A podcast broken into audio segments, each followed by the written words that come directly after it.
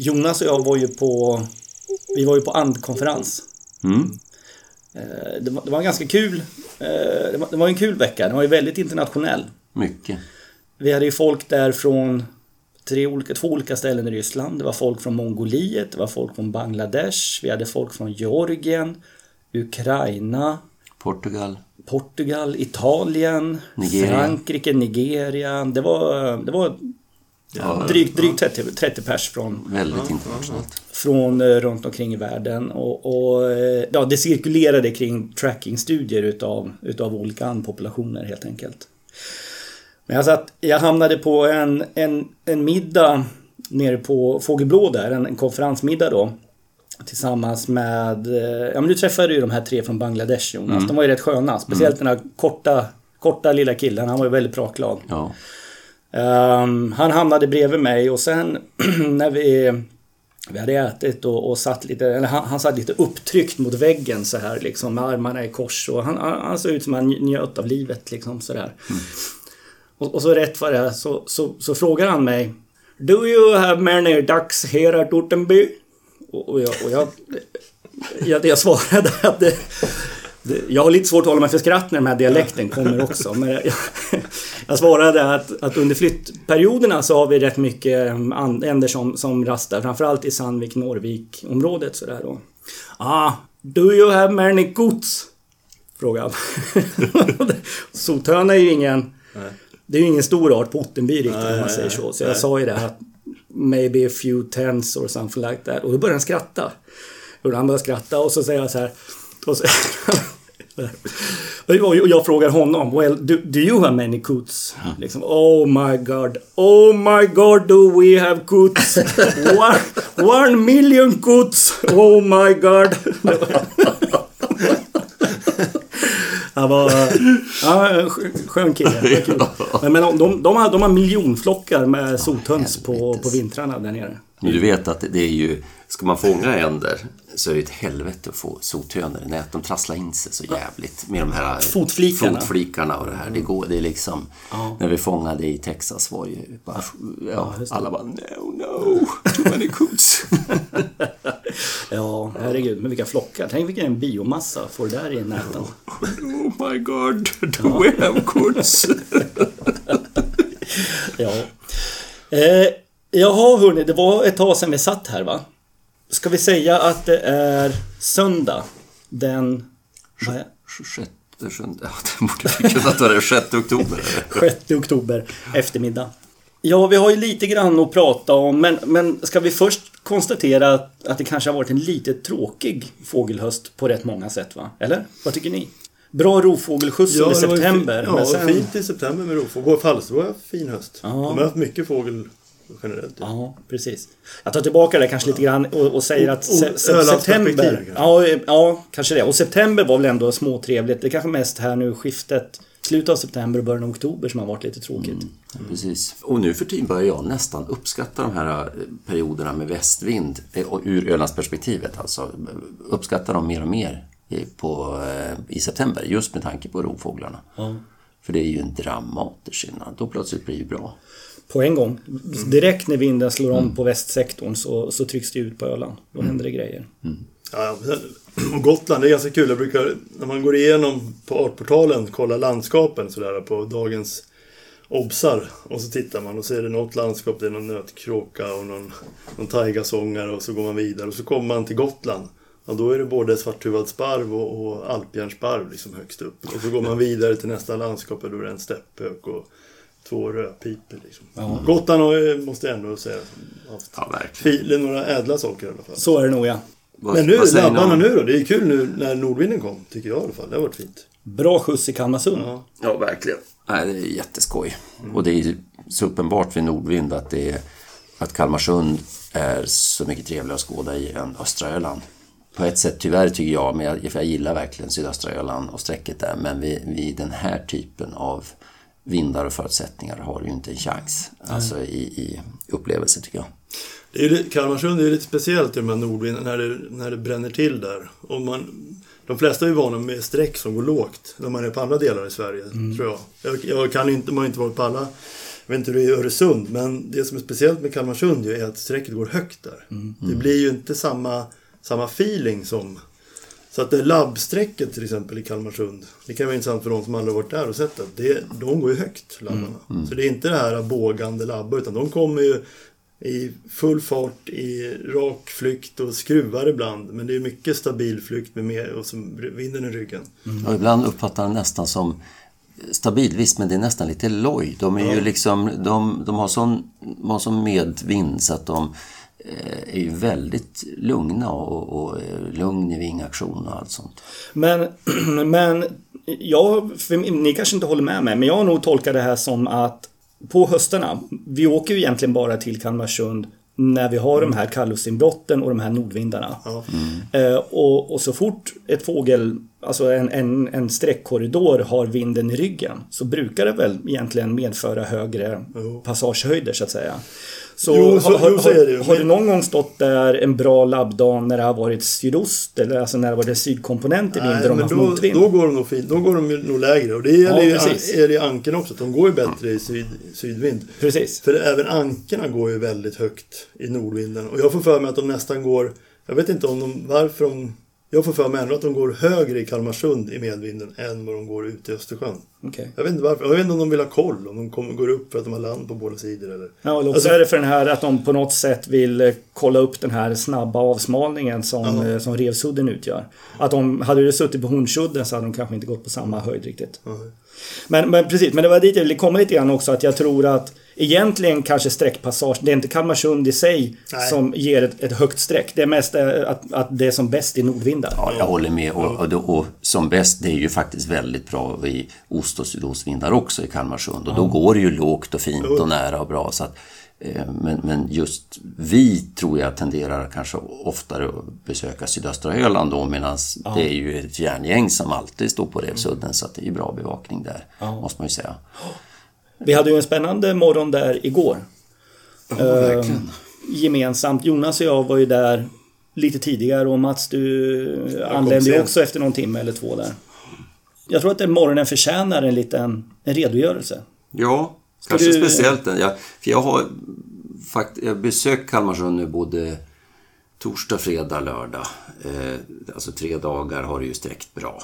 Och, och eh, det är precis som Mats säger, det har gått högt och det var Ja, framförallt ska jag säga att torsdagen var ju magiskt mycket fågel. Ja, eh, den då var var det ju inte bara ejder, dykänder och labbar utan det var ju även mycket gäss.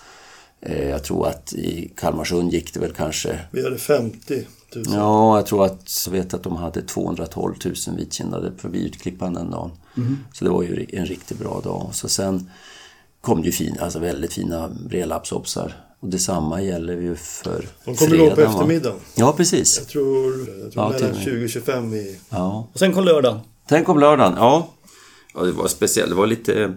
Vi stod ju då för att det var lite... Jag tror att det skulle vara sol och, och då är det väldigt mycket bättre att stå på Ölandssidan på morgonen för man får ju medljus. Nu var det inte riktigt eh, så bra för att det var en stor, stor molnbank över Öland och så var det klarväder över fastlandet så att det blev ju ändå någon slags veritabelt motljus. Trots... Ja, det där är, det där är nästan ännu värre än motljus. Ja, då blir ja. allting bara svarta Ja, silhuetter. Ja, det, var, det, var, det var väldigt konstiga förutsättningar. Precis som Jonas säger så det var ju klart över Småland. Eh, och så var det ju ett tjockgrått täcke över oss. Vi, det regnade ju tidvis på oss också. Så att det blev ju... Fåglarna blev ju extremt underexponerade. Och förutom underexponeringen så, så var det ju också galet värmedaller. Det, det, det var ju rätt kallt i luften och jag vet inte om, om, om sundet, alltså om vattenmassan fortfarande är varm, om det var det som, Jo, som skapade det. Men även, även fåglar som flög på hög höjd var ju... Det, det, var, ja, det, var, ett, det var ett störande daller. Ja, framförallt morgon och tidig förmiddag. Ja, precis. Och, och kombinationen liksom av de här två faktorerna gjorde ju... Ja, det satte lite käppar i hjulet för oss kan man säga, delvis. Men under morgontimmarna där, det var ju... Alltså jag kan säga, jag, jag, kände, mig som ett, jag kände mig som ett riktigt jävla blåbär. Det, det, det kändes som man hade köpt kikan igår. Jo, nej, det, jo, det är det. Men det var inte du som sa det. Magnus, nu har jag fan till och med svårt att könsbestämma ejdrarna. Ja, och ja men, jo, precis. Och det säger ju lite grann om hur siktförhållandena såg Ja. ut.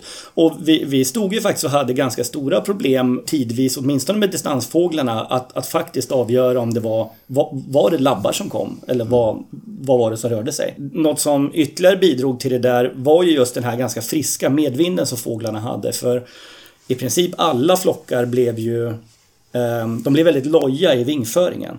De flesta måsarna såg mycket tyngre ut än vad, de, än vad de egentligen brukar göra och så vidare. Just för att de, de bara seglade med i...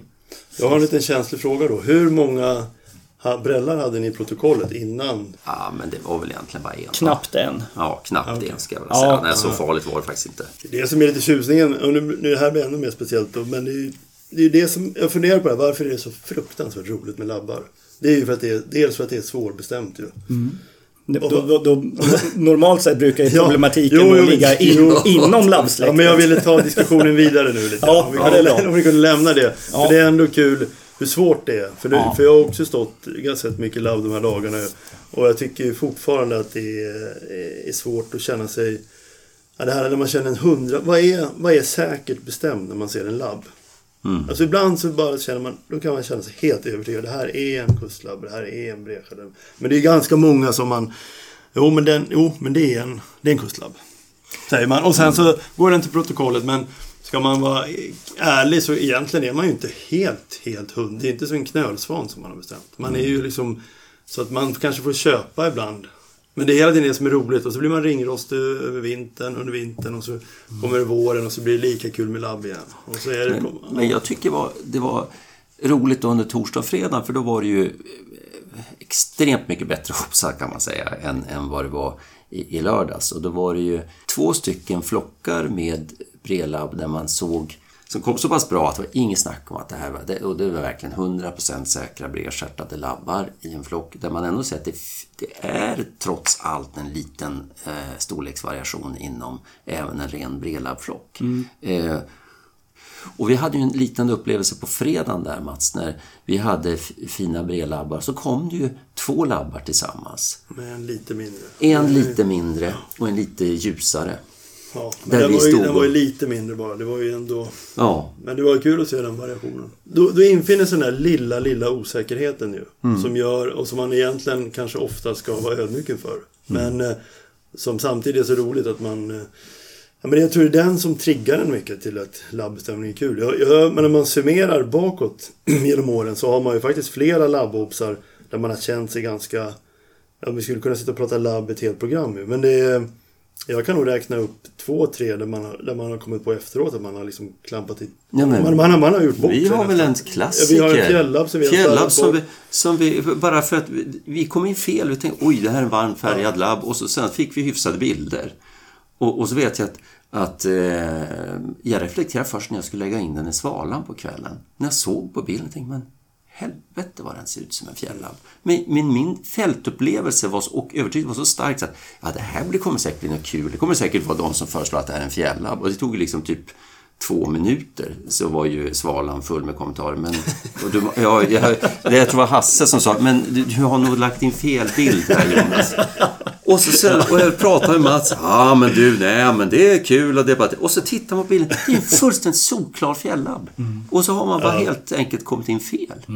Vi hade en för några år sedan som... som flö, det, var, det var något fel på den tror jag. Den höll sig ganska nära stranden och flög lite konstigt. Eh, och den sågs i flera dagar längs olika Ja, ställen på jag ön. ihåg. ja. Jag var helt övertygad om att det var en, en avvikande brälle i teckningen. För den hade lite ljus månskära på ovansidan av handen.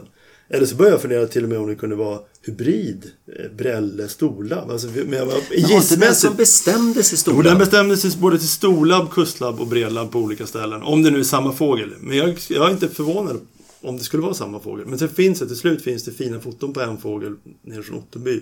Som jag tror är den fågeln. Och det är en kustlabb. Men jag, alltså, gissmässigt var jag helt säker på att det var en brälle. Eh, om det nu är den fågeln. Och, och nu återigen, man vet ju inte vad som är facit vad som är sant och när man kan vara säker och så vidare. Men Fast- ja, hela alltet bara speglar hur ödmjuk man ska vara tiden. Men det är ju inte första gången där man eh, har, har gått bet på kustlabb med, med avvik, alltså som har mycket liksom, vitt mycket vitt på ovansidan på handen och att det blir storlabb av det. Det vet jag fler exempel på. Eh, och, och jag vet inte om det är det som gör det men, eller vad, eh, att man även då får en, storleks, en, en konstig storleksuppfattning. Om, eh, så. Men jag håller med det du säger Jonas, eh, eller som du sa här innan, att, att det finns en ganska stor storleksvariation inom ja, alla arterna. Men tar man bredlabb till exempel, det händer ju då och då att man stöter på eh, bredlabbar där alternativet kustlabb inte finns på kartan. Utan det handlar ju snarare om Absolut. att eh, är, det en bredlabb eller är det en storlabb där så att säga. Eh, och, och, och tvärtom såklart med mindre, med mindre bredlabbar också. Det är ju det är ju bökigt. Ja, det hade vi på västkusten i fjol. Det du och jag Mats, vi stod och så kom det labbar på, på håll. Jag tror var vi i Mellbystrand. Mellbystrand, ja. Och så tänkte vi, ja, jädrar, ja, jag tänkte först, oh, de här var ju inte tunga. Ja, jag var, var inne på kustlabb och till och med att man började fundera och så kommer de närmare och närmare. Det var ju gamla brällar med klubbor och allt. Ja, ja. Men det här är väl lite, det är väl lite grann som är, det finns väl andra sjöfågel, sjöfågelexempel med Ja men ta lommar och tärnor till exempel. Viss, vissa dagar under vissa omständigheter så, så är ju allt så jävla enkelt. Eh, och, och, och andra dagar så vill man ju slänga kikaren i sjön.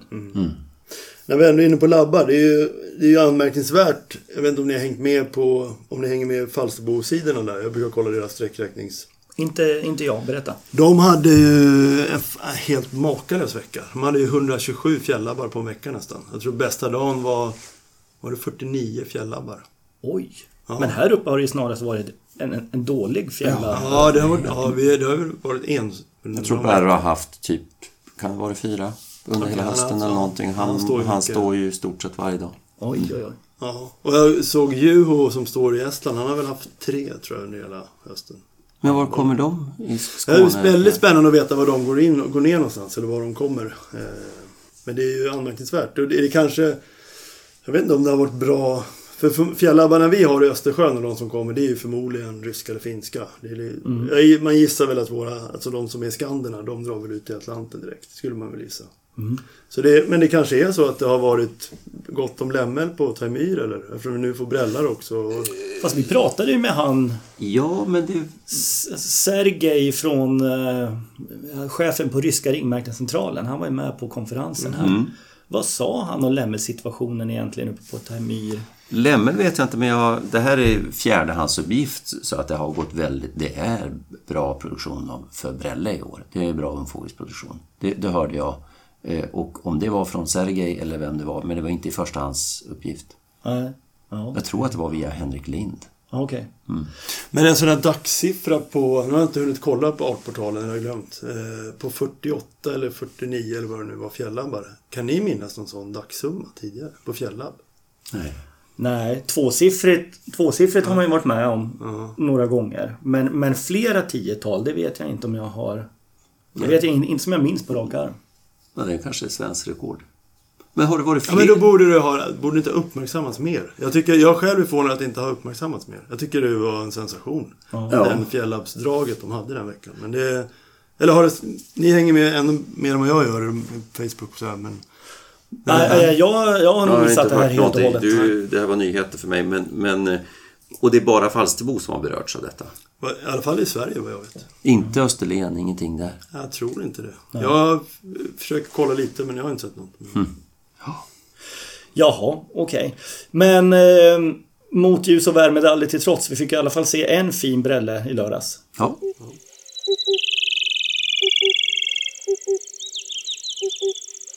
Eller har vi pratat klart om labbar? Det, det kan man ju prata om i Ja. flera timmar Ja, bra. Men jag har eh, reflekterat över en annan sak. Eh, sträckte här en annan dag. Nu måste jag, det var i, i slutet på september. Det var ju faktiskt en liten stöt med både prut och bläsgås. Jag har glömt bort Ja, vilka dagar det där det. var. Men det var Det var ju... Eh, det var, blåste väl snarast Men var det runt den då. 25 eller något Ja, sånt jag där? tror där det var krokarna? Och då var det några bra dagar med, med både branta och bläsgäss. Och så som vanligt när det kommer bläsgåsflockar så i varje flock, eller inte varje men ganska många, så är det ju inblandade sädgäss. Och jag har alltid tänkt att det där är ju, alltså uteslutande Rossicus som, som eh, flyger med bläsgäss. Eh, yes. eh, och så sen så såg jag några bläsgäss som rastade vid Gårdbyhamn och då var det flera sädgäss där och det var några som helt klart måste ha varit Fabalis. Det var fina tundrasädgäss, Rossicus, men också skogssädgäss mm. i samma flock. Oj, vad tidigt också. Ja, vad kul mm. att det var... Och, och jag, jag, kan få det till något annat. De hade till och med lite vit bläs runt och, och det var en enorm alltså, skillnad mm. i struktur mot de, om, alltså de tundrasädgäss som var precis bredvid. Så att jag har svårt att få det till något annat än att ja, det var skogssädgäss. Och så började jag fundera, men, men hur kan det här vara då? Och jag det här kanske är att slå in öppna dörrar för de som kan det här med gäss och gåsforskare. Men jag, jag började söka lite eh, om artiklar om det här med flyttning och så eh, och population mellan Rossicus och Fabalis. Mm. Alltså skogs och tundrasädgås. Och det här var, var väldigt mycket nyheter för mig. Det, ni kanske kan det här men jag har ju tänkt att Fabalis, ja den svenska skogssäd, den fenoskandska skogssädgåsen så att säga, det är den den häckar ju här i skogslandet och så och, och alltså tundrasädgås, eh, borta på den sibiriska, alltså övergång mot tundrabältet och så.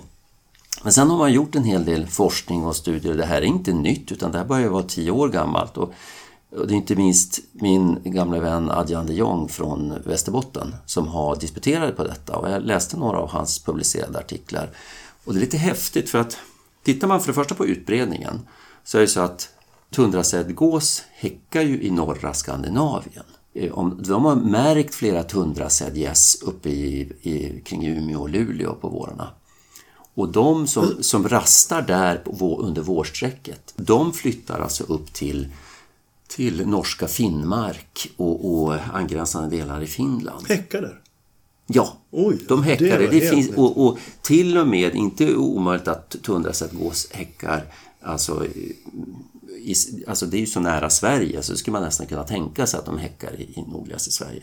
Medan de skogsädgäss som man har märkt där, de är ju bara i ett bälte precis söder om. Eh, alltså från Soppero i väst eh, bort till ryska, alltså ja, ända egentligen bort från, till, till norra Finland, bort till Karelen egentligen också. Alltså skogsädgås fabalis, alltså, den, den hittar man ända upp i Pasviksdalen, alltså öster om Varanger i, i, Norge. Alltså. Mm. Eh, och det intressanta var, vet ni var de skogsädgässen eh, ruggar, de nordostliga skogsädgässen? Nej. Mm. Nej. Nej. Oj, oj, oj, nu är det spännande. Ja. Novaja Semlja. De åkte ut alltså, till Novaja Semlja för att, oj, rugga. Va? Och sen drog tillbaka sydväst sen igen då? Eller? Ja, och sen drog de tillbaks med bläsgässen kanske. Så det är Aha. inte helt konstigt att man ser vissa skogssädgäss med bläsgåsflockar med tanke på att de ruggar ända upp i Nova Assemblia. Oj, ja, det, det var, var häftigt. Ja, jag tycker det var, var väldigt häftigt. Sen är det massa andra saker i den där äh, artiklarna som jag tycker var intressant. Just att när man har nu tittat senare år, om man tittar på sädgäss i Skåne till exempel, uppe i Kristianstadsområdet, så är det så att där är ju tundrasädgås helt dominerande, alltså 5-10 tusen tundrasädgäss övervintrar i, alltså i Nordostskåne. Mm. De flesta milda vintrar. En del vintrar drar ner till Tyskland när det är ja. lite kallt här. Va? Ja. Så att man har, för, vilket har medfört att man har överskattat populationen av skogsädgås, ja, fabalis. Va? Mm. Så det är en, en abrovinkel på detta. Men jag tycker det var så häftigt med att skogsädgås ja, eh, ändå kan ha. Så, det, så att, det är klart att... Men är det ett förändrat beteende hos, hur är det liksom belagt med vetenskapligt? Vi kan ju se det att vi ser ju, jag tycker man ser mera rossicus i flockarna nu än vad man gjorde för 15-20 år sedan. Att det nästan sker en, att det sker en förskjutning mot oss. Absolut. Men har det är väl en stor de... förskjutning. Jag menar, minns den där artikeln av Håkan Delin i vad var det nu, Fåglar i Stockholmstrakten tror jag? Ja, Fåglar upp Fåglar Uppland, Fåglar Uppland ja. kanske var där verkligen han befäste hur fruktansvärt sällsynt tundrasädgås var i Sverige. Det, så är det ju inte längre uppenbarligen. Den är 20 år gammal va? Ja, den är 20 år gammal. Det har väl skett en enorm förändring.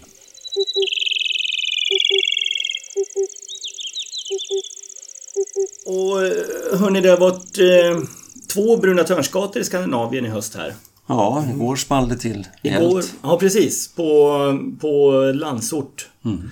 Sörmland. Eh, och för några dagar sedan en ung fågel ute på utsida i, eh, i Norge. Mm. Och sen har det inte varit någon på Brittiska öarna också? Det har det säkert. Har de varje år kanske? Eh, ja, jag tror nästan det. Alltså under de senaste tio åren så har det nog varit nästintill, nästintill årlig i alla fall. Från att varit en, ett megafynd så att säga så, så har den varit fullt regelbunden. Och flera fynd i Norge också. Ja, precis. precis. Men eh, har ni sett eh, bilder på landsortsfågeln? Jag sitter nu och tittar på dem du skickade över. Mm, bilder från Ronny Malm, fina bilder. Ja. Ja, jättefina. Man kanske ska börja med att säga att det är ju en, det är en gammal fågel. Eh, De är ju inte alltid lätta att, eh, att könsbestämma bruna törnskator men det ser ju helt ovattrade ut längs, längs flanken och så. så eh, det är väl ingen högoddsare att säga att, eller gissa på en, på en gammal hanne. Okej, men du menar ändå en gissa? Det är ändå så, de, honorna kan vara så lika alltså? Eh, ja, de, de, eh, eh, så här. Eh, honorna kan vara i princip helt hantecknade i huvudet. Alltså med mask och sådana saker. Även om många utav dem är lite mer diffusa i ansiktsmasken. Men, eh, men de, de kan vara riktigt lika. Eh, men de brukar ändå avslöja sig på att man ser en liten svag flankvattring på dem. Men det tror jag nästan den här också är lite svag. va? Har den det? Ja, precis. Men då kommer man in på nästa bekymmer att under hösten, alltså nyruggade fräscha hannar, de kan också ha en svag flankvattring. Så att jag tror att... Det är inte mycket den har alltså. Nej, precis. Och, och ni menar den här lilla, den vattrade skuggan ner på den nedre delen av flanken? Ja, eller? Ja. men det Ja, just det. På vissa solbelysta bilder så är det nästan ingenting. Nej, precis. Men, och, och jag tror att det, det, det rubbar liksom inte det övervägande hanintrycket. Det som slår mig mest är, som jag har inte sett så många som du Magnus har varit i, men är de jag har nog aldrig sett en sån ljushuvad i, runt i Sibirien där jag har varit. Precis, det var dit jag ville komma också. Ja. Kul. Eh, för ni håller med om att den är ju, den är ju rätt ljus i huvudet. Det här, den här vitgrå pannan letar sig ju uppåt hjässan till. Verkligen, inte bara lite. Det är ju ganska slående. Och det var ju i, första larmbilden där verkligen. Men Absolut. Men sen, och sen varierar intrycken lite grann och sådär tycker jag mellan bilderna. Men, men Ronnys bilder ser ju ganska neutrala ut i färgåtergivningen tycker jag. Ja, åtminstone, det är- jag kan säga, det är nästan de första bilderna. Det, och det, det var det, lite grann det jag anade att ehm, inte minst återreproducera och folk fotar av sin kameradisplay. Det blir ju väldigt utbränt. Alltså, eh, det, det, alltså bränner ju ut högdagarna så att den såg nästan vi, mer vitgrå ut än vad den förefaller vara. va? Ja, precis. Men, men håller du med om att, att Ronnys bilder ser schyssta ut? Att, Absolut. Att de, de ser, det ser ut som att man kan lita, lita på dem. Ja. Ronny brukar ta schyssta bilder. Ja. Men det är ju lite kul och jag håller med precis det du säger Mats. Eh, åtminstone så i de delar av, av, av Sibirien som, som vi har besökt. Då ser de ju inte ut på det här viset. Eh, Alltså sydvästra, södra, centralsibirien. Från Altaj bort till Baikal. Där, där har de inte den här den här ljust, eh, de här gråtonerna ifrån pannan letar sig ju inte upp i huvudet på det här viset. Men ni vet ju säkert att när vi går vi ner sen ner i, i, i Kina, alltså ner i den sydöstra delen utav utbredningsområdet, så finns ju formen som heter Lucionensis. Och de är ju eh, de har ju ännu ljusare huvud än det här. En ännu så att säga större vit panna och mer grått upp på huvudet än den här. Och, men däremellan så finns det ju också Alltså i de sydöstra delarna utav Ryssland, alltså Amurbäckenet kan man egentligen säga. Eh, Så det är en ganska lång övergångszon, en stor övergångszon mellan Lucionensis och, och den sibiriska Cristatus. Och den populationen har, det, det finns några som, som, eller många till och med ger den egen rasstatus under namnet Confusus. Men i, i princip kan man säga att den är ju intermediär mellan Lucionensis och Cristatus. Den här Confusus-populationen då. då. Ja, och jag, har, jag har absolut inget facit på det här eh, alls men det, det slår mig att den här fågeln är egentligen ganska lik många utav de fåglar som, som passerar vid Beidache till exempel i nordöstra Kina. Eh, De är ju de är rätt variabla både avseende ehm, alltså gästtäckningen och panntäckningen. eh, Men även också vad det gäller själva grundfärgen i ryggen. Ehm, Lucionensis är ju en mycket dovare, kallare brun fågel så att säga än vad Cristatus är som är mer liksom, neutralt eh, varmt brun eller vad man ska kalla det för. Ehm, Och, och både huvudtäckning och ryggtäckning varierar ju hos, hos fåglarna i, i, som passerar i Beidache. Vi kan titta här lite grann på eh, några bilder som jag har lagt upp för, eh, för att spegla variationen hos bilderna, eller hos fåglarna i Beidache. Vilket fint bildmaterial. Ja, precis. Fantastiskt. Och så, tappar de bruna ryggen lite också i takt med att Mm. huvudet ljusnar. Exakt, precis. Det var det jag ville visa här också. Att vi har, eh, här har vi en ganska typisk kristatusfärgad fågel med en ganska varmt röd gässa. Eh, igen, eller varmt brun gässa kanske man ska säga.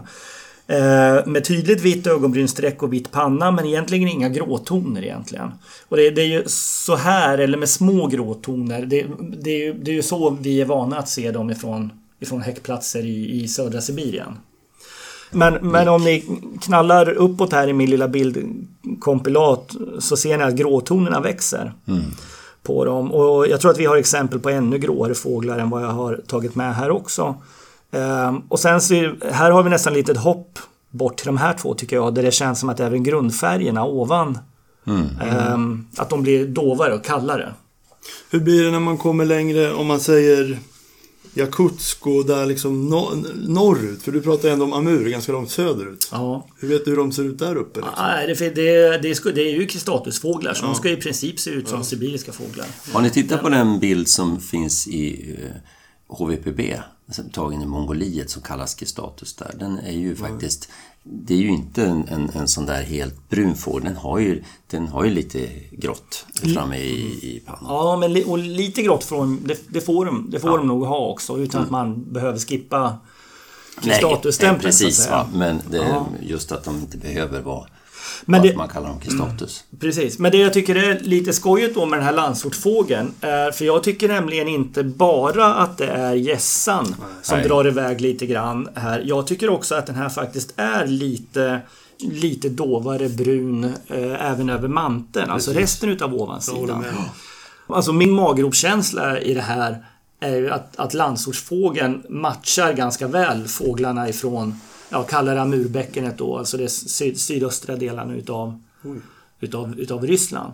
Eh, Men det- den här formen Confusus. Eh, för jag tänker liksom när den här ska publiceras. Ja. Vad ska man kalla den här då? Ska man kalla den, eller är det inte ett vedertagen tack, ett vedertaget taxa? Ja, det beror på. Nej, eh, alltså den är inte unisont vedertagen i alla fall. Jag tror att HVPB köper Confusus som en egen form. Men jag tror att jag undrar om till exempel Warfolk gör det i sin Dutch Birding-artikel från 2000. Jag undrar om inte han presenterar det helt och hållet bara som övergångszon så att säga mellan Cristatus och Lucionensis. Men det är ju lite, eh, det är lite kul här för det här avviker ju lite grann ifrån i princip alla andra bruna törnskatefynd som jag har sett foton på från Europa.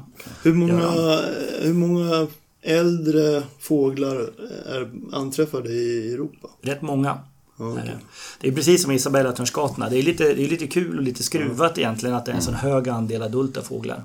Skulle inte förvåna mig om säkert en tredjedel av fyndmaterialet rör, rör gamla individer. Är det någon av de andra gamla bruna i Europa som har haft de här Lucienensisdragen? Nej, det, det var just det. Att jag, jag tycker inte det. Jag, jag har i alla fall inte sett någon annan brun törnskata från Europa som har dragit åt Lucionensis-hållet. Men det blir ju, ett rätt extremt fynd. Alltså om man ska att det rekryteras därifrån. Det är ju inte unikt extremt, men det är ju väldigt långt österut. Ja, men det är det ju. Men då, och vi snackar ju om samma områden som, eh, som, som drillsångare till exempel och östlig kronsångare. Och, och det, det är verkligen... Ja, det kan till och med vara Stilla havskust om man säger så. Då. Så att det, är, eh, att det är extremt, det tror jag man... Det är ljust ute, varför sitter vi här? Ja, Ja, verkligen. Ehm, det här med att um, fågeln, eh, landsortsfågeln lämnar liksom kristatusmallen lite grann. Irriterar det er på något sätt? Du- Du tänker på burfågel eller? Ja. Åh nej, nej, inte Magnus. Snälla, snälla. Jag orkar inte en sån här. Liksom. Nej, vi får klippa bort det där. ja men Maj, du var väl själv inne på Tenellipes och eh, Östlig kron. Mm. Men det är klart, det, det är ju... Tanken har väl glidit genom huvudet, det kan man väl säga. Jo, men det var lite grann dit jag ville komma också. Ja. Ja, Jag tror, jag också, jag låg och funderade lite grann i, i, i natt på det. Eh, jag, Väckte du Caroline? Vakna Caroline. Ja. Jag, måste, jag måste prata om en sak. Exakt så var det faktiskt. Ehm, men, och det är, alltså även, även, även de här amurfåglarna är ju långflyttare. Är de. Och, och, och passerar liksom uppblandat med kristatus-liknande fåglar i, i östra Kina och så vidare också. Så att jag, eh, även om det Även om det någonstans, eh, någonstans skulle man ha hoppats kanske att det var en mer så här klassiskt tecknad Ja. kristatus-individ. Så tror jag, jag, jag, jag tror ändå att man Ja, jag förstår, jag min, förstår. min uppfattning är ändå att man... eh, Det, det finns, jag, jag tror inte det finns någon anledning att Nej, alltså det- tänka någonting annat om det här. Långflyttande, vanliga arter precis som gulkina kricka och praktan, så det är väl inga problem att...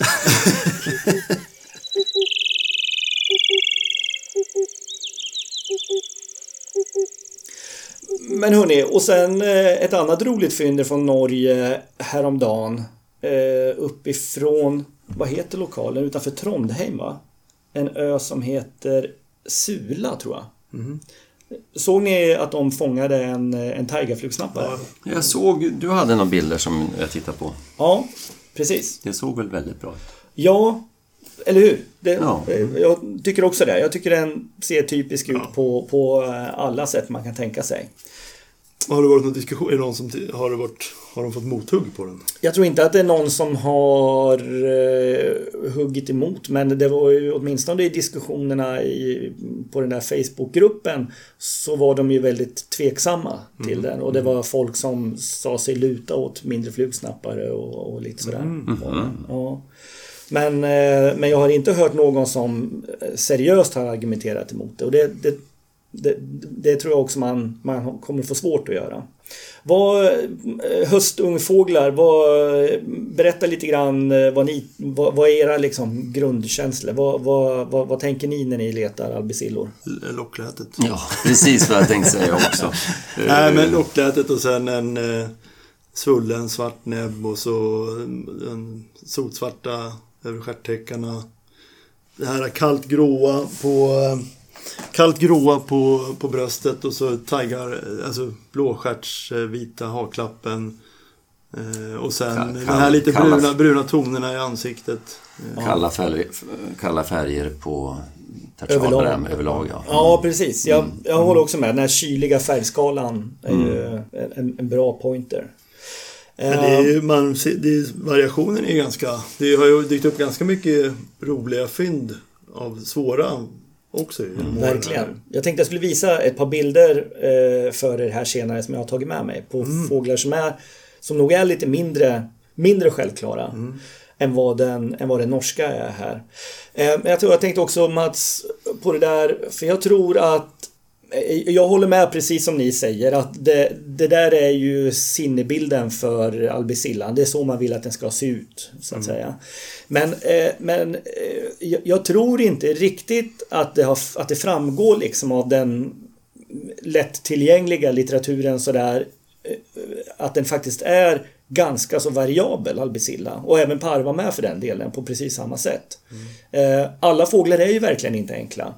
De är inte alltid så här eh, Eh, liksom eh, ljust grafitgrå eller vad man nu kallar det för på, på brösttonen och alla har inte den här eh, snygga lilla fina vita eh, liksom blåskärtshaklappen blåstjärtshaklappen och, och det är inte alltid eh, vita eller ljusgrå täckartoppar och tertialkanter utan en, eh, det är faktiskt eh, så, så som så som fågelböckerna, till exempel Fågelguiden avbildar tigerflugsnappare, unga tigerflugsnappare. Det är, ju, det är frågan ens, tycker jag, om, man ens, om det ens är den vanligaste dräktformen hos den. Jag, jag, jag, min, min bild efter Jag kan ju vara färgad så att säga utav, utav just populationerna som passerar borta i östra Kina. Men, men där borta så är de ju faktiskt lite varmare än vad vi än vad vi kanske skulle önska att de är. Men ganska många individer har ju ganska tydliga buff-toner i, i, i brösttäckningen. Har jag visat det för er förut? Ja, jag vet att du har, jag har sett på ditt bildmaterial, precis som du säger. Ja, precis, precis. Och det är inte alls ovanligt heller att att eh, täckartopparna och tertialerna har, eh, har så att säga varmare buffnyanser i sig heller. De är ju sällan liksom så här rost, rosttonade som de ofta är på mindre flugsnapparna. Men att de är bufffärgade, det, det kan de vara. Men ni har väl ett jättefotomaterial va, från Kina? Ja, det har Kan, vi. men vad kan du lägga ut på? Det vore kul att lägga ut något litet... Lägga ut lite individer på Facebook-sidan kanske? Eller? Ja, precis. Jag, jag har redan ett färdigt kompilat här gällande eh, bufftonerna i bröstet så att säga. Där man, där man får en ganska bra uppfattning om att de inte alls behöver vara rent grå på något sätt. Men eh, jag, jag, tror, jag tror ändå att, och, och egentligen, du hittar ju också en ganska stor variation i svärtan i övre stjärttäckarna och det gör man ju även på parva så att säga. Alltså, och antagligen är det väl delvis könsbunden. Precis som hos, hos våra andra flugsnappararter så verkar ju hanar uppvisa svartare övre stjärttäckare. Uh, och de kan ju vara, uh, hos parva kan de vara precis lika svarta som, som stjärtpennorna så att säga. Eh, Man kan nog till och med hävda på vissa, alltså de allra mörkaste individerna, att man nog nästan tycker att övre stjärttäckarna ser svartare ut än pennorna också. Eh, Och, och, och tvärtom så hittar du ju tigerflugsnappare där eh, övre stjärttäckarna inte alls är så djupt kolsvarta som man skulle önska att de är. Så att eh, fåglarna möts och kanske till och med överlappar lite grann när det gäller övre stjärttäckarna. Och eh, ja, de- de är inte alltid lättbedömda helt enkelt. En av de grejer som jag tycker ändå håller bäst det är nog ändå näbb, eh, alltså undernäbbarna, mörkheten i undernäbben. Sen är ju det lite svårt att avgöra när man inte har fågeln i handen. Eh, Det, det, är, det är en lurig, en lurig vinkel man behöver ha dem i så att säga. Locklätt då? Har ni, hört någon, har ni hört någon svår någon gång? De är ganska distinkta i två fack liksom. tycker Ja. jag. Ja. Det har jag inte, men å andra sidan har jag inte systematiserat, kollat igenom heller. Nej, Ja, jo, men jag håller med dig Mats. Jag har eh, både lock och sång. eh, Jag, jag har bara hört eh, helt normalt låtande individer som är lätta att placera i, i olika fack. Ska vi ta och spela upp lockläte här? Ja, gör det.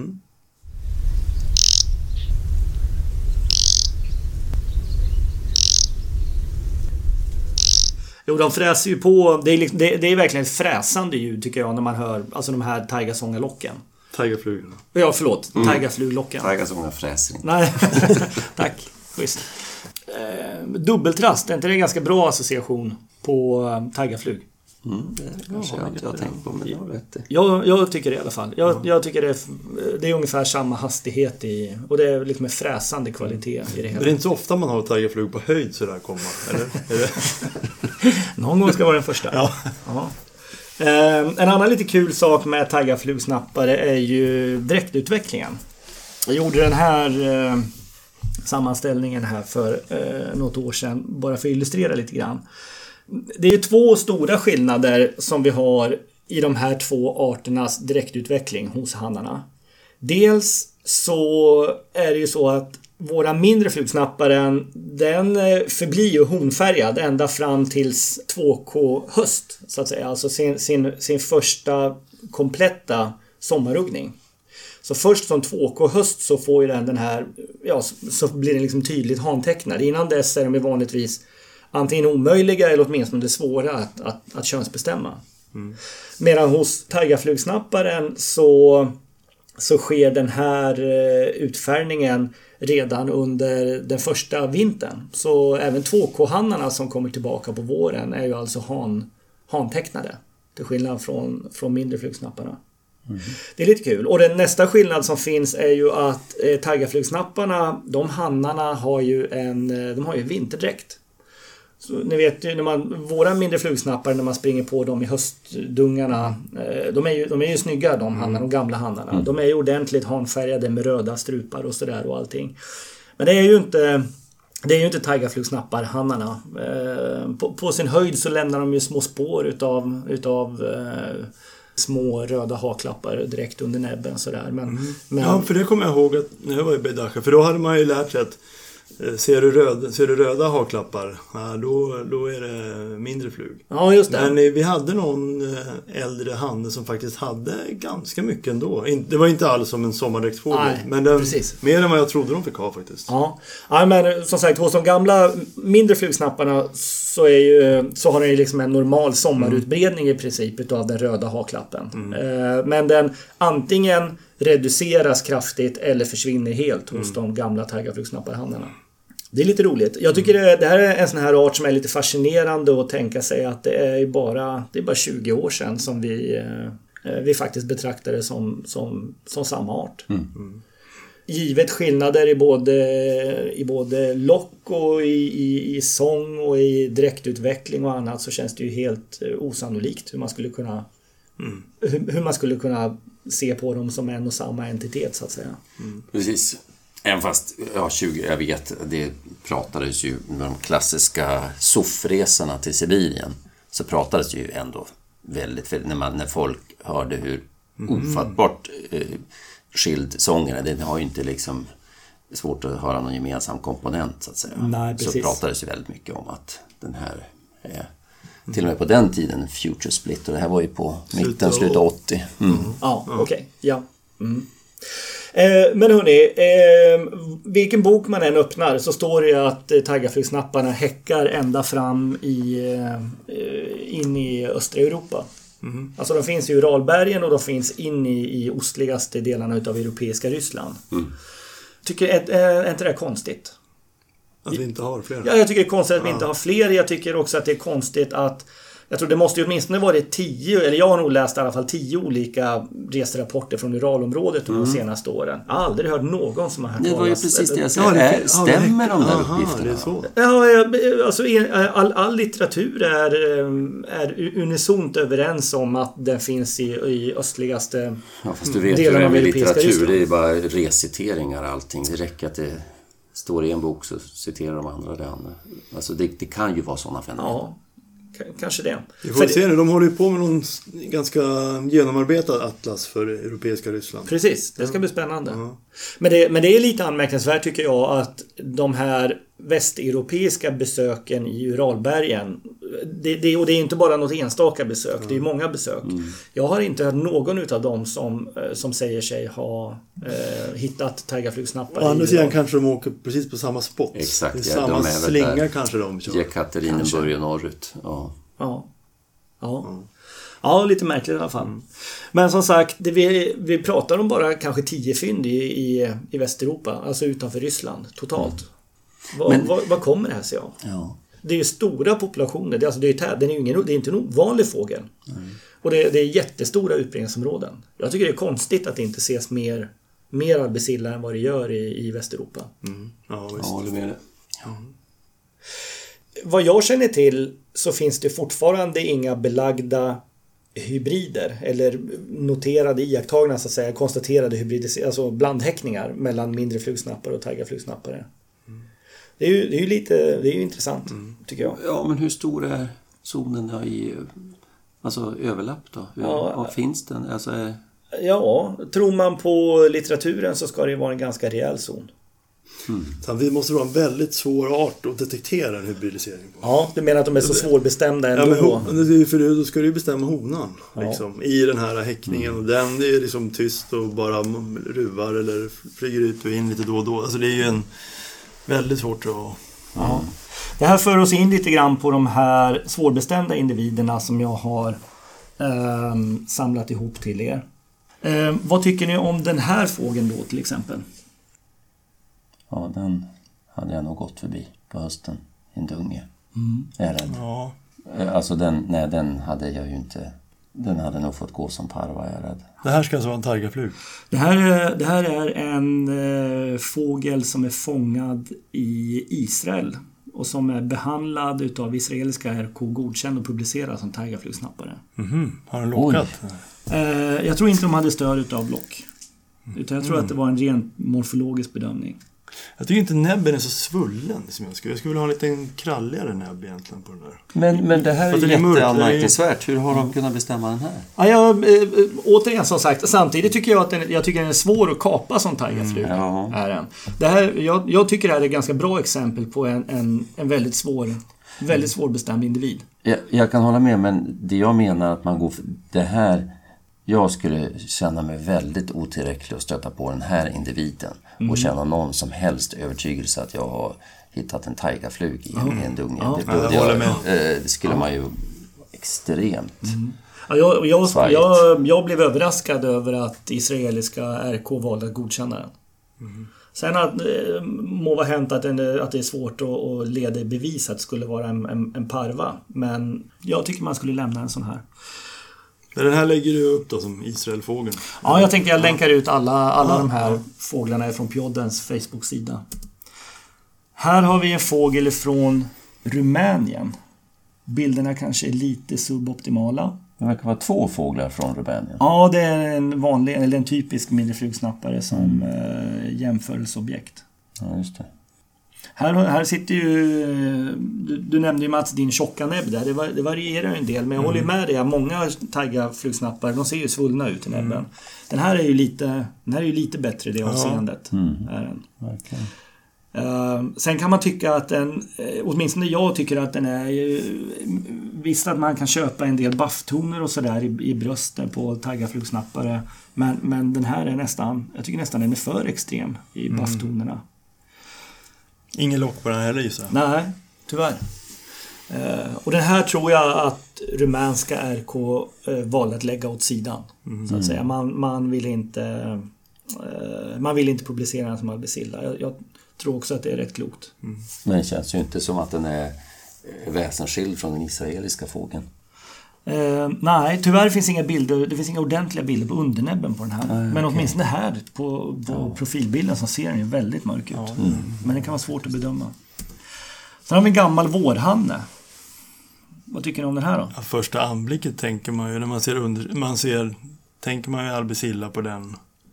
Den undersidan med hakan och gråa inramningen och... Mm. Framförallt på de där bilderna tagna utomhus. Och så är det ganska, ganska mörk i undermandibeln i basen ser det ut att vara. ja. Mm. Det här är ju också, det här är också Rumänien. Har den några övre stjärttäckare? Eller har de tagit bort dem? Men jag tycker Ja, det ser ut som jo, men de... åtminstone en finns Ja, här. Är det. Och den är, den är ju inte jättemörk. Nej. Är den inte. Och sen så, jag stör mig lite grann på att, att den liksom, man har inte riktigt den här gråa inramningen Nej, förstår. bröstet. Den är lite öppen här ner till ser ni? Och så liksom lite röda stänk utanför.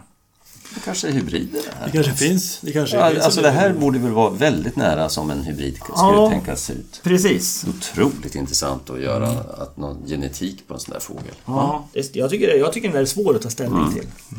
Den är också väldigt grå i hela ansiktet. Se, ser ni det? Eh, och, och, och inklusive gässan. Normalt sett, eh, liksom typiska taigaflugsnappare då har man ju ändå ehm, eh, Man har liksom en, en, en brunare gässa, man har en brunare kind. Den, den här är verkligen grafitgrå i, hela, i hela huvudet. Jag, jag, jag tycker det här är en skum fågel. Jag är lite osäker på vad rumänska RK gjorde med, med den här individen. Men återigen, precis som på förra individen, i den mån det nu skulle kunna produceras hybrider så, så, så kanske det är så här ungefär som man skulle kunna förvänta sig att de, att de ser ut.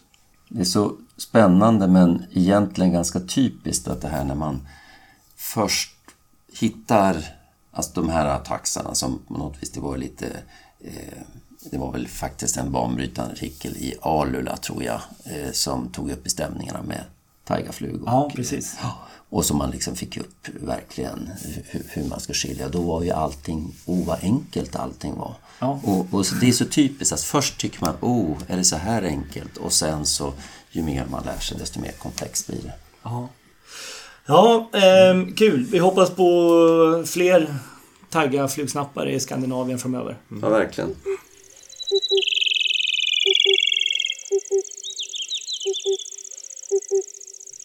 Jaha du, Magnus, hur har det gått med eh, ert Taigasångarprojekt? Jo, men det har nog faktiskt gått rätt bra, tror jag. Eh, Jag tror att det är rätt många, eller inte många, men det är flera fångstplatser i landet där man nu är uppe i tvåsiffrigt. Tror jag. Jag tror åtminstone Äggegrund var tidigt uppe över 10 individer. Jag undrar om inte Stora Fjäderägg kanske också är där i krokarna. Kan tänka mig. Ja, och sen vi, nere i, i Bingsmarken så tror jag idag de tog den 20 fågeln. Oj, oj, Ja. 20 stycken. Ja, precis. Och eh, ja, sen har det varit flera inlandsfynd också och, och sådär. Det är lite anmärkningsvärt nere hos oss på Ottenby eh, där vi har fått noll än så länge i den standardiserade fångsten. Vi, vi brukar ju normalt sett ha kanske någonstans två, tre stycken där i krokarna och, och som mest uppemot jag tror att det är nio eller tio som är höstrekordet så att säga. Men än så länge har det varit noll i år nere på udden. Däremot så har vi haft en, en till fångstplats igång uppe vid Södra Lundsjön. Ehm, och där har vi eh, där har vi kört med bandspelare. Ehm, och under fem dagar i rad så fångade vi sex individer. Mm. Och det där är lite kul. Det är en klassisk sån här ringmärkningsgrej tycker jag. Man, man som, som ren fältskådare så underskattar man oftast omsättningen på, på fåglar. Jag, jag tror att hade de här inte fångats eller ringmärkts då, då tror jag att det i fågelrapporten hade hetat 1x som stannade i, i, i fem mm. dagar. Mm. Men på grund av att vi faktiskt har, har fångat fåglarna och satt ring på dem så vet vi att, att, att, att det var sex individer det handlade om. Har ni återfångat någon?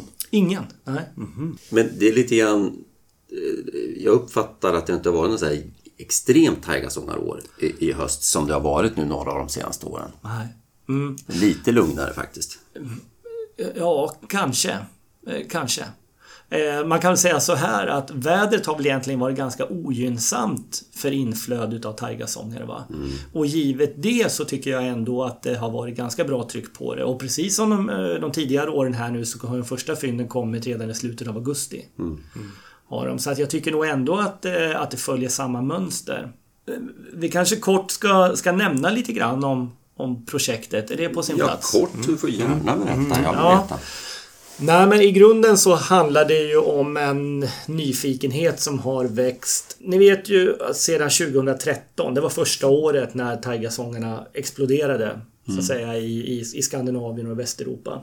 Från 2013 och framåt eh, så har ju antalen nästintill tredubblats kan man säga. Innan låg vi ungefär på, på 200 individer per år. Nu ligger vi snarare på runt 600 individer per år. Dessutom så ser vi att de kommer tidigare. De börjar dyka upp redan i slutet av augusti. Det finns åtskilliga augustifynd eh, och, och toppen går ganska tidigt i september jämfört med vad vi är vana vid från, från tidigare årtionden. Och dessutom är det så att eh, strecket innehåller eh, en del adulta individer. Inte många, men några stycken. I år nu så tror jag det är tre stycken ringmärkta fåglar som har, eh, som har åldersbestämt som adulta. Åtminstone den ena har jag sett bilder på. Det, det, det, det ser ut att vara korrekt, så att säga. En, en gammal fågel. Och, och, Bara kort, Magnus, för jag såg också bilder och det... För mig ringde inga adulta klockor där. Hur, hur känner man igen att en adult? Ja, men det, ja, det är ju inte jättelätt. Det är ju, det är, om du tänker dig, hur lätt har du att åldersbestämma en gransångare? Nej, nej. man måste ju ha den i handen. Ja, exakt. Det är precis samma mm. sak med taggarsånger. Det finns inte en sportmössa att kunna... Det finns inte en sportslig chans att kunna äh, åldersbestämma dem i, i, i fält. Utan det handlar om att att eh, fånga in dem och, och, ta en titt och i princip göra en avvägning om det är en adult kvalitet i fjäderdräkten eller om det är liksom juvenila fjädrar. Adulta fjädrar är ofta lite bredare, de är lite tätare, mer, bättre svärta, lite glansigare, lite mer stuns i, i, i teckningarna. Mm. Och det är inte självklart, absolut inte självklart. Men, eh, och det är mycket möjligt man skulle kunna hävda att backar vi ett decennium eller två så kanske vi visste egentligen för lite om ålders, åldersbestämning av taigasångare. Så eventuella gamla fåglar som då passerade kanske, mm. kanske inte fastnade i sållet om man säger så. Mm. Det är mycket möjligt, men det är mycket annat som har hänt och ni vet, ni vet ju själva med antalen vinterfynd nere i eh, till exempel i Spanien och Kanarieöarna. Eh, jag vet, för några år sedan på Fuerteventura hade de ju 30 stycken i samma lilla skogsridå på Fuerteventura nere vid Costa Calma. Oj. Ja, men ni vet en sån här typisk vägplantage mellan två eh, i sån här dubbelfilig väg liksom. Ja. ja. 30 taigasångare där. På flytt och... eller övervintrande? Nej, det var övervintrande. Var det. Ja. Och det finns vinterfynd gjorda i Senegal, några stycken. Kanske till och med Gambia med. Så att... Eh, och, och, då kan man fundera på vad allt det här... Vad, vad, vad kommer sig egentligen det här? Vad, vad, är det som har hänt under de senaste tio åren egentligen? Mm. Vad är det som skett? Eh, min, min teori i det här är ju... Eh, den grundar sig egentligen i häktningsutbredningen. Och jag tror att den första frågan man ska ställa sig det är Varför finns det inga taigasångare i europeiska Ryssland? Eh, det är ju, visst, i östra delarna gör det ju, men i stort så att säga så finns det ju inte taigasånger i europeiska Ryssland, eller har inte gjort historiskt. Och jag tror att, jag tror att svaret på den frågan är ganska enkel. Eh, och jag tror att det handlar om att så länge man övervintrar i Sydostasien så hinner man inte flytta längre tillbaka än till Uralbergen. Det finns inte plats för det i livscykeln helt enkelt. Fåglarna ska, de ska hitta revir, de ska eh, sjunga, de ska para ut sig, de ska lägga ägg, föda upp ungar. De ska hinna rugga, de ska flytta eh, och, och hela cykeln börjar om igen så att säga. Och jag tror att i, i tidsschemat, i årsschemat, eh, så går det inte att lägga mer tid på flyttningen än, än fram till Ural eller För en liten lite ja. ja, för en taigasångare. För en. För en taigasångare, helt enkelt. Eh, För det finns inga andra skäl egentligen, eller ja, det finns inga andra goda förklaringar till varför det inte finns taigasångare i europeiska delen av Ryssland. Jag menar, hade det bara varit habitat som styrde, då hade vi haft taigasångare ända ut till Norge. Men om, Det är om antagonisten säger att, ja men ta nordsångare då till exempel. Ja, men nordsångare är inte en taigasångare. Vi, vi pratar annorlunda Ja, ja. eh, vingar och snabbare Ja, ja, flyttningar. Men hur, alltså, är den så sällsynt i Europa? Alltså, folk som har åkt dit har ju taigasångare. I, I Ural, ja. I, ja, och eh, även väster om Ural. Ja, och de finns en liten bit in i europeiska Ryssland. Det är precis så som det är. Och, och frågar du ryssarna idag. Jag har pratat med ryssarna som sköter deras atlasinventeringar om taigasångare. De, ser ju, de, de säger att nej, vi, vi, ser, vi ser inga förändringar ännu. Eh, De som arbetar alltså med häckfågeltaxeringar. Däremot pratar vi med, med folket som jobbar på ryska fågelstationer och fångar flyttande fåglar. Både i Karelen och, och vid Kaliningrad. De har ju mycket mer. De inser ju också att det är något som, som händer med taigasångaren. Men än så länge har ryssarna inte lyckats spåra det här i häckningstaxeringarna. Men jag vet å andra sidan inte riktigt hur, hur, hur tätt deras gridder ligger och liksom hur vältäckt det egentligen är. Men hur som helst, grundfrågan som jag sa, varför finns det inga eh, taigasånger i europeiska Ryssland? Eh, jag tror om vi istället då vänder på steken att om det skulle vara så att det skulle etablera sig en sydvästlig flyttrutt för taigasångerna, att de inte längre så att säga flyttar till, till Thailand utan att de istället går genom Europa och ner till Västafrika. Då skulle ju det här öppna ganska många nya portar för dem. Eh, Då har de helt plötsligt inte den här begränsade tidsbudgeten att ta hänsyn till längre. Och man skulle då kunna tänka sig en ganska snabb västlig förskjutning så att säga utav häckningsområdet in i europeiska Ryssland. Och jag, min, gissning är ju, min gissning är ju att det är precis det som har hänt. Eh, att, att, att vi har taigasångare häckandes mycket längre västerut nu mot vad vi hade bara för 20 år sedan. Och eh, även om vi inte har stöd ifrån, ifrån häckningsinventeringar i Ryssland så finns det så många andra eh, indicier på något sätt som talar, som talar för det här med, med tidigare ankomstdatum och, och som sagt att, att strecket innehåller adulta fåglar det är också en ganska tydlig pointer. Det, då, då pratar vi inte längre om, om felnavigerade fåglar som hamnar på Atlantens botten om ni förstår hur jag menar. Utan det här är erfarna individer som har gjort den här flytt, flyttningen förut. Eh, Och det skulle också förklara varför vi har, vi gör, vi gör ju fler vårfynd, både Sverige och Finland nu för tiden mot vad vi gjorde förut. Och vi har fynd av sjungande fåglar på häckplats till och med. Man sprang ju på en i Hälsingland på en taxeringsrutt för några år sedan.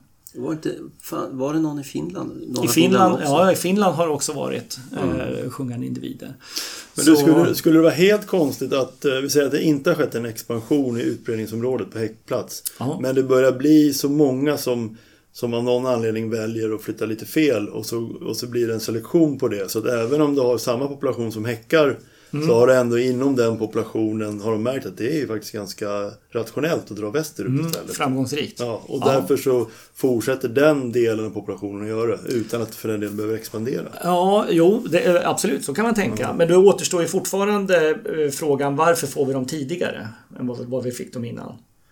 Ehm, om, om jag, jag tror att om du jämför medeldatumen på till exempel Tristis och taigasångare för 20 år sedan och idag så tror jag att du kommer att se en ganska stor skillnad i dem. eh, I, i, i taigasångarens uppträdande.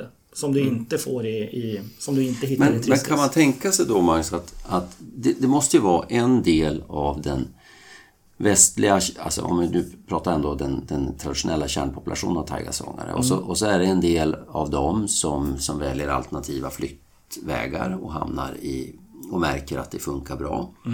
Måste då Plus att vi har de som har testat det här och vet att det funkar bra. Det kanske till och med funkar bra att häcka i Hälsingland eh, och sitter och sjunger där.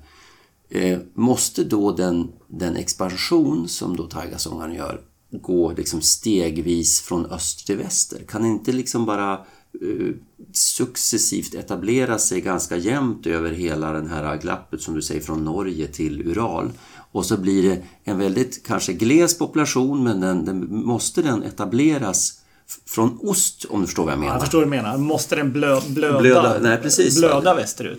Nej, det tror jag säkert inte den gör. Men jag tror å andra sidan att ju, längre, ju närmre kärnpopulationen en fågel råkar hamna, desto större chans har den ju att hitta en partner. Självklart. Så, så, så jag tror att det ändå blir liksom en naturlig, eh, en naturlig följd utav utbredningsområdena. Ja, lite tuffare den här Hälsinglandshannen då. Ja, just det. Ja. Och, det är ju inte första gången. Jag menar, det finns exempel med svarthättor som ni vet ju som övervintrar mm. längs med Nordsjökusten där. Det är inte första gången som det skulle hända en som man skulle se en tydlig switch så att säga i, i en fågels uppträdande, eller arts uppträdande. Men det, å, återigen som sagt, det här, är, ju- det, här är ju, det, här är ju, det här är ju inget mer än teorier idag. Men det är just på grund av de här frågeställningarna som vi har valt att starta upp ett, ett, ehm, ett, ett, ett projekt kring Taggasångaren.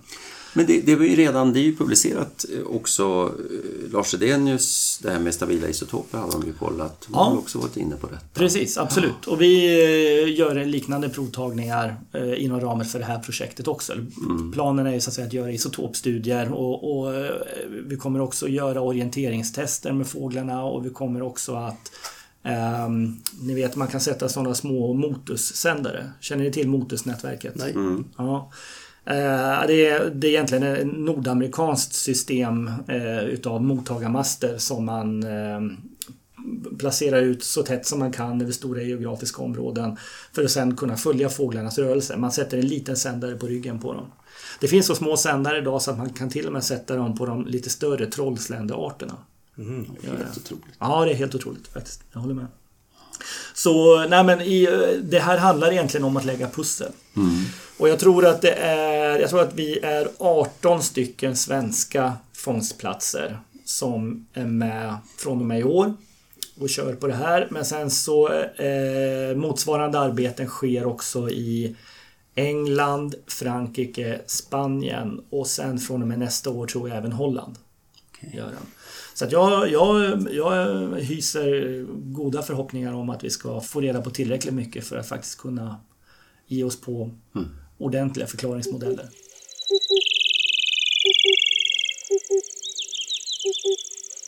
Mats, vad har du inte kunnat släppa från veckan som har gått? Eller ja, veckorna kanske man ska säga. Nej, men jag, är, jag, är, jag tycker det är så roligt med den här studien som, eller den här räkningen som Juho gör, eller den organisationen, men Juho är ju, som lägger ut lite på Facebook och jag har haft lite kontakt med honom. Att de har haft så mycket... I Estland? I Estland. Ja. De står ju från mitten av sommaren och fram till antingen slutet av oktober eller om det är till och med in i november. Ja. Och räknar allt sjöfågelsträck. Ja. Och de har ju haft, i år har de ju haft sex stycken säkra stenegri-knölsvärtor och Mm. två obestämda. Så minst åtta knölsvärtor på sträck. Det är helt otroligt. Ja, det är roligt. Det är ju, ja, vi funderar ju lite grann hur många... Det var ju en diskussion här när vi skulle skriva ihop knölsvärta för förra året, för 2018. Hur många individer var det egentligen i Sverige? Och eh, hur försiktig väg ska man gå? Vilka är samma och så vidare. Men det är kul att se här att det är, det är faktiskt en del knölsvärta vi kommer ha och få se här framöver. Helt klart. Ja, Men du, vilken erfarenhet han har fått. Vi, pra- vi har ju pratat knölsvärta i ett annat poddavsnitt. Ett annat. Ja, typ i vartenda känns det som. Men, men det som vi var då var just det här att ha erfarenhet av att se knölsvärta sträcka i en flock med vanliga svärtor och hur den skiljer ut sig. Och Det var en grej vi pratade där om, om storleken på den vita eh, vingtäckningen. Och det ska vara jättespännande att höra om Juho har någonting att säga nu efter hans formidabla höst här. För det är ju... Jag såg på några, något foto i alla fall som de har lagt ut. Eh, Just det, du hade reagerat på Jonas, att, den, att fågeln var lite mindre. Och jag Ja. tyckte att den var lite mindre på ett av deras foton. Ja, och jag tycker till och med på ett av fotarna att, jag, eh, att man reagerar på att den vita eh, vingfälten är lite större, det vill säga att de större täckarna är lite proportionellt mer vita. Utlängarfågeln. Ja. ja, den teorin börjar ju liksom bli lite väl Den kommer bli gammal den där fågeln. Ja, verkligen. Den är överallt. Ja, Ja. ja. Kul! Jonas? Ja, men vi har delvis varit inne på det både med taigasångare och med gässen här, men eh, du nämnde den där and, eh, andkonferensen på Ottenby och då var det ett, en litaus som eh, föreläste om de här väldigt snabba förändringarna i utbredningsområden i, i många av änder och gäss. Och um, han nämnde flera exempel, ja, allt från bläsgås som han växte upp i Litauen och det var, det var med på de liksom, sällsynta gäster i landet när han började intressera sig för fåglar. Oj. Och nu har de ju liksom 100 000 dagssiffror varje år på 100 000 sträckare. Eh, han nämnde en annan art, eh, ja inte minst knölsvan, vilken eh, hur den har skjutit eh, sitt, alltså sin population norrut och nu finns i, till och med på ryska ishavskusten. Alltså. Och det har bara skett på en väldigt kort tid. Och det kanske mest tragiska exempel var att brunand håller på att totalt försvinna från större delen av Asien, alltså av hela steppområdet och de här stora sjöarna. Dels som han sa för att den biotopen håller på att försvinna. Om, han sa på 20 år så har ett stort steppområde norr om Kaspiska havet, alltså stora delarna där. Om man tittar på eh, satellitbilder nu och vet hur många våtmarker fanns där tidigare så har det gått från 760 sjöar eh, 1986 till 20 sjöar idag. Herregud. Ja, och att brunan håller på att försvinna och den, liksom som man säger, translokerar, flyttar sitt utbredningsområde och den har framför allt, brunan har gjort så att den trycker på österut.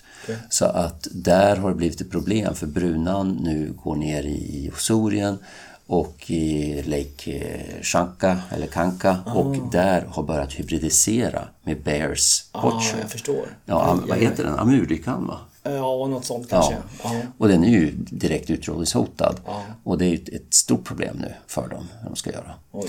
Och, och det är ju precis förmodligen samma processer. För det, jag vet att eh, bara någon dag efter jag hade hört det där föredraget så stod vi och njöt av en, en stepphök som kom väldigt fint på, på udden. Och tyckte man, fan vad häftigt, det här är liksom en fågel man får bara njuta av varje år nu på ett helt annat sätt. Precis. Men det är ju en ganska tragisk eh, orsak. För den, den är ju samma sak, stepphök har ju, det som håller på att ske är ju naturligtvis en förflyttning av kärnområde från eh, en, steppmiljö som håller på att försvinna till eh, mer boreala. Men så, så att, och, Alltså, menar du att den förbuskas eller att den odlas upp? jag, jag vet faktiskt så- jag tror att den odlas. Ja, Jag, de borde ju säkert dika ur de här 760 sjöarna för att odla mark. Är det det ja, de exakt. vill eller? Ja, det tror jag att det är det. Ja. Ja, ja, så jag tror att det är på grund av mänsklig påverkan. Precis som du säger, våtmarker är ju ett, problem. Att, att det används för mycket till industriell odling. Och just att stepphök har ju den har ju, måste ju ha sökt sig till nya häcknings, alltså helt nya biotoper. Ja. Eh, My, myrkanter. Ja, myrkant eller kanske, inte vet myrkanter. jag, svenska kalhyggen kanske. Nu har vi inte sett några sådana hägg, men, men var, var, det måste ju vara något sånt. Ja. ja, verkligen. Fick du fina bilder på stepphöken Jonas? Jag vill prata om något annat. Ja. Eh, ja, själv eh, har jag inte kunnat släppa en ganska rolig intervju jag hörde med en kille som heter Christopher Heckscher ifrån eh, Delaware University i USA. Han, eh, det är en kille som har jobbat i eh, Eh, ett par decennier tror jag han sa med, eh, eh, med rostskogstrastar i ett skogsområde i Delaware. Och eh, nu har det visat sig efter att ha jobbat i många år med, med, med, med både flyttningsekologiska studier och, och häckningsstudier och så här nu så av en ren slump eh, så han började fundera kring varför de eh, rostskogstrastarna under vissa år avbryter sin häckning. My, my, mycket tidigare än vad de gör, alltså innan de är klara så att säga. Det blir ett misslyckat häckningsår. De lägger bara en kull per år dessutom också. Och det visar sig att korrelationen mellan år med hög andel avbrutna häckningar och antalet tropiska stormar under den efterföljande hösten, alltså några månader senare. Den är, den, den är, den är hård, den korrelationen. Mm. Det verkar alltså eh, som att rostskogstrastarna med andra ord kan fungera som, som, som meteorologer. Det låter som en ding-ding-värld. Ja, ja, eller hur? Precis. Och, och, och han sa, eh, det, det, började, det började med att han, han såg sambanden. Han såg sambanden, det var, de statistiska eh, korrelationerna fanns på plats de efterföljande två åren så gjorde han ju små prognoser utifrån sina rostskogstrastar. Hur häckningsutfallet hade blivit. Båda de två åren så hade han en, en, en, en bättre träffsäkerhet än vad den amerikanska meteorologiska eh, NOAA. Ja, exakt. Precis. Än vad de hade. De, ena året hade de eh, de hade förutspått så att säga en lägre eh, orkanintensitet under, ja ni vet, augusti till oktober eller vad det är. En, en lägre än genomsnittligt. Enligt hans rostskogsrastar skulle det bli en högre. Eh, rostskogsrastarna hade helt rätt. Hade de. Eh, och sen har ju naturligtvis, de har ju funderat en del kring det här, vad, vad det här vad kan det bero på egentligen? Vad, vad, vad är det som, vad är det som liksom inducerar det här beteendet hos dem? Att avbryta häckningen, sätta igång och rugga för att sen flytta så att säga. Och de har ju inga, de har ju inga bra svar på det, det, det är ju uppenbart. Men, men eh, deras gissning är ju att nyckeln ligger i någonting nere i övervintringsområdena. Alltså att, att eh, förhållandena på plats på övervintringsområdena under den föregående vintern på något sätt styr. Eh, ja, det, det, det, är ju naturligtvis en fysiologisk process, om det är hormoner eller vad det kan tänkas vara.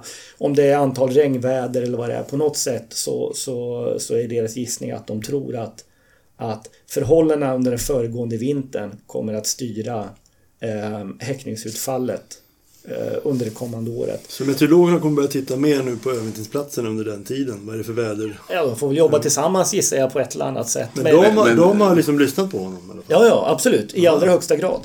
Men Magnus, ja. har det hänt mer än två gånger? Ursäkta att jag blir lite skeptisk, men du vet, det är som varför föds det så mycket barn när staken kommer? Ja.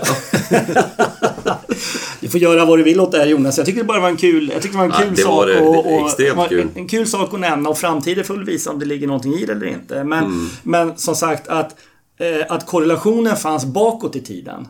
Det, det, var, det var tydligen oomtvistligt. Var det. fantastiskt. och, och sen därefter, som jag förstod det rätt, och så följde ju några testår när han lekte med, med, med teorin, så att säga. Mm. Och, och, även det föll, föll väl ut. Det låter som betydligt mer intressant statistisk korrelation än där jag läste nyheten att det är så hemskt för de här trafikolyckorna med elskotrar har ju, har ju verkligen eh, fördubblats. Eller det har ju verkligen ökat, i, skjutit i höjden i storstäderna i Sverige. Ja. ja. de, de tyckte det var konstigt att det ja. skedde några för tio år sedan? Ja, typ. Ja, okej. Okay. Ja, ja. Jaha, hörni. Eh, men eh, nu får det vara nog. Ja, ja. ja. tack för idag. ja, ha det gott.